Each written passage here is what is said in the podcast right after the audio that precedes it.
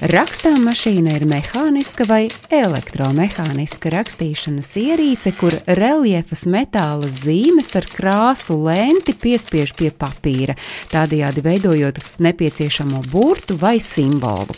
Parasti teksts ar noteiktu burtveidolu uzreiz tiek uzdrukāts uz papīra lapas. Rakstām mašīnas jau plaši izmantoja 19. gadsimta beigās un 20. gadsimtā.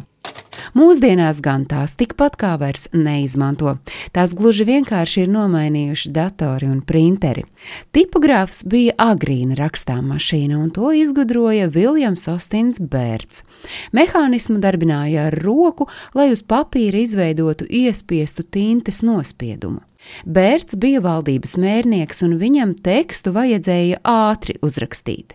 Viņš ilgstoši bija vērojis biroja darbiniekus, kuri lielāko daļu sava darba laika bija aizņemti ar uzdevumiem, kas paņēma lielāko daļu viņa darba dienas, proti viņiem nācās rakstīt garumu garus dokumentus, un ar roku rakstot tas patiesi prasīja ilgu laiku.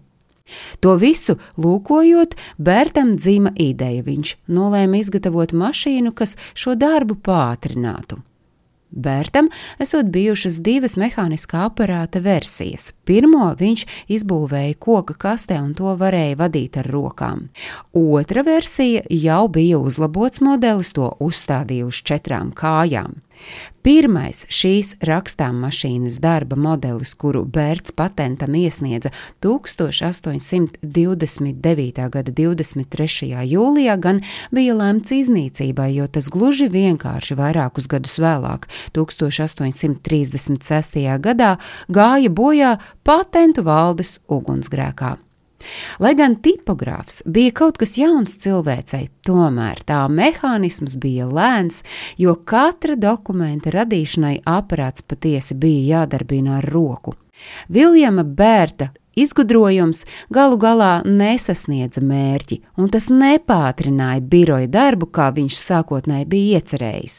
Šai mašīnai joprojām bija daudz trūkumu, un valda pat uzskats, ka rakstīšana ar bērta izgudrojumu bijusi pat lēnāka nekā rakstot ar roku. Bet pirmā rakstām mašīna, ko piedāvāja pārdošanai, un to mēdza saukt par rakstīšanas bumbu, radās Dānijā. To izdomāja un arī patentēja kāds priesteris. Un tas notika vien dažus desmitus gadu pēc Bērta izgudrojuma patentēšanas, 1865. gadā. Priestera radītais modelis ne tikai ieguva vairākas balvas, bet tā bija pirmā mašīna, kas nu reiz ļāva rakstīt ātrāk nekā ar roku. Pirmās komerciālās rakstām mašīnas ieviesa 1874. gadā, taču arī tās ar sajūsmu nepieņēma, un kantoros un birojos tās izplatījās tikai sešus gadus vēlāk, sākot no 1880. gada. Un tad jau dzīve vairs nebija iedomājama bez rakstām mašīnas. Tās itin ātri kļuva par neaizstājamu rīku praktiski visiem rakstu darbiem. Nu, izņemot personisko un ar roku rakstīto korespondenci.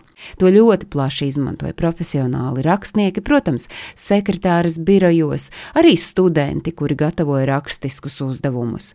Un līdz pat pagājušā gadsimta 80. gadiem visā pasaulē lielākoties biroju rakstām mašīnas tas bija tāds standarta aprīkojums. Nu, pēc tam, protams, rakstām mašīnas pamazām sāka izspiest datori. Tiesa, dažviet pasaulē rakstām mašīnas mašīnas joprojām ir ikdiena un tās ir izplatītas, jo tās lieto veicot ikdienas rakstu darbus.